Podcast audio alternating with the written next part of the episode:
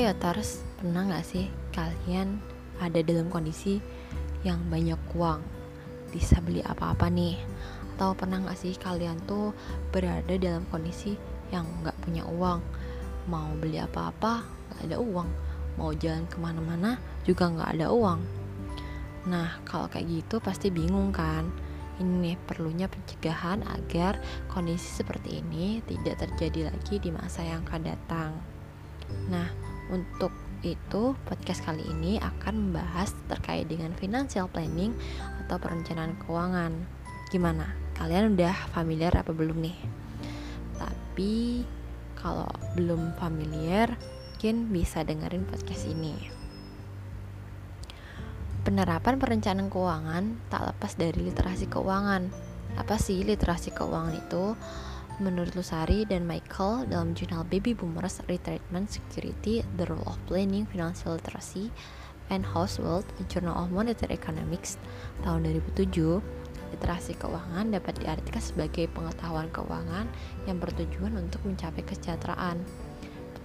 Pengetahuan dan pemahaman tentang keuangan pribadi dibutuhkan individu agar dapat membuat keputusan yang benar dalam segi keuangan.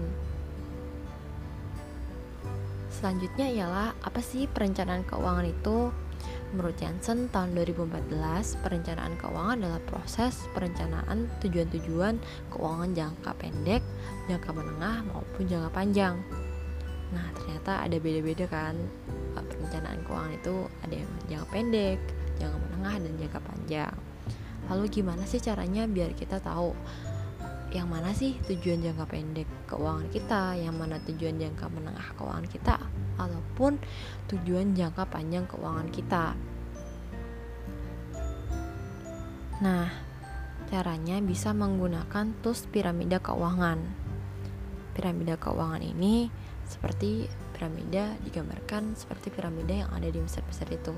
Tapi kali ini dibagi menjadi lima bagian bagian paling bawah atau dasar sampai bagian paling atas yaitu puncak piramida dibagi menjadi lima. Nah, bagian pertama ini kebutuhan jangka pendek yang harus kita penuhi terdiri dari pemenuhan akan arus kas dan dana darurat. Nah, arus kas ini jangan sampai lebih besar pengeluaran daripada penghasilan kita. Nanti besar pasak daripada tiang kan nggak bagus juga kan. Percuma kita merencanakan keuangan tapi kalau pengeluaran kita lebih besar daripada penghasilan kita. Yang nomor dua adalah tabungan darurat. Di mana tabungan darurat ini merupakan tabungan yang digunakan untuk kebutuhan darurat kita dalam jangka waktu satu tahun. Maksimal satu tahun lah tergantung kebutuhan. Bisa aja tiga bulan atau enam bulan. Kalau ada sewaktu-waktu kita udah nggak bisa atau lagi nggak bisa dapat penghasilan nih. Contohnya kayak sekarang nih pandemi kemarin sektor ekonomi banyak yang down kan? Nah itu tuh perlunya dana tabungan darurat. Bagian yang kedua adalah manajemen resiko. Ini masih sih termasuk dalam tujuan jangka pendek rencana keuangan.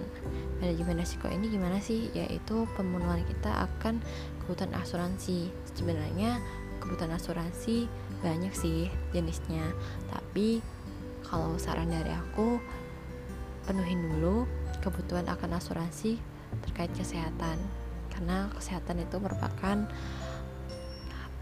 kebutuhan dasar yang harus ada dalam setiap manusia. Bagian pertama dan bagian kedua dari piramida ini untuk memenuhi kebutuhan akan rasa aman. Jadi nanti ada tingkatannya lagi nih gitu. Nah, selanjutnya adalah bagian ketiga dari piramida. Bagian ini untuk tujuan jangka menengah. Nah, pemenuhan tujuan ini pas kebutuhan yang harus dipenuhi ialah tujuan keuangan dan investasi. Tujuan keuangan dapat berupa saving money untuk biaya pendidikan, biaya rumah, biaya pendidikan pernikahan sesuai dengan tujuan yang akan dicapai loh kok tujuan keuangannya kayak gitu tadi apa dong nah tujuan keuangan ini adalah uh, gimana sih kamu mau posin keuangan kamu antara 3 atau 5 tahun lagi atau 3 sampai 10 tahun lagi tergantung dengan kebutuhan dan solo dan keadaan kamu. Nah, selanjutnya ialah investasi. Nah, dalam tahap ini investasi sudah dianjurkan karena telah melewati bagian pertama dan kedua dari tujuan keuangan yaitu tujuan jangka pendek karena udah serasa aman nih kita finansial kita bagian keempat adalah kebutuhan akan dana pensiun. Ini merupakan kebutuhan jangka panjang. Dana pensiun ini dipersiapkan sedini mungkin kalau bisa untuk memenuhi kebutuhan kita di masa yang akan datang apabila kita sudah tidak bisa bekerja secara produktif kembali. Jadi meskipun nanti kita sudah tua, udah pensiun, udah nggak bekerja lagi, kita masih punya dana yang bisa kita gunakan untuk memenuhi kebutuhan hidup kita. Tuh. Nah, kebutuhan nomor tiga dan keempat ini merupakan kebutuhan akan rasa nyaman. Jadi kalau yang yang satu dan kedua tadi ada kebutuhan akan rasa aman, yang ketiga dan keempat ini adalah kebutuhan kebutuhan akan rasa nyaman. Nah, yang terakhir adalah bagian piramida puncak. Bagian kelima. Bagian terakhir ini yaitu warisan.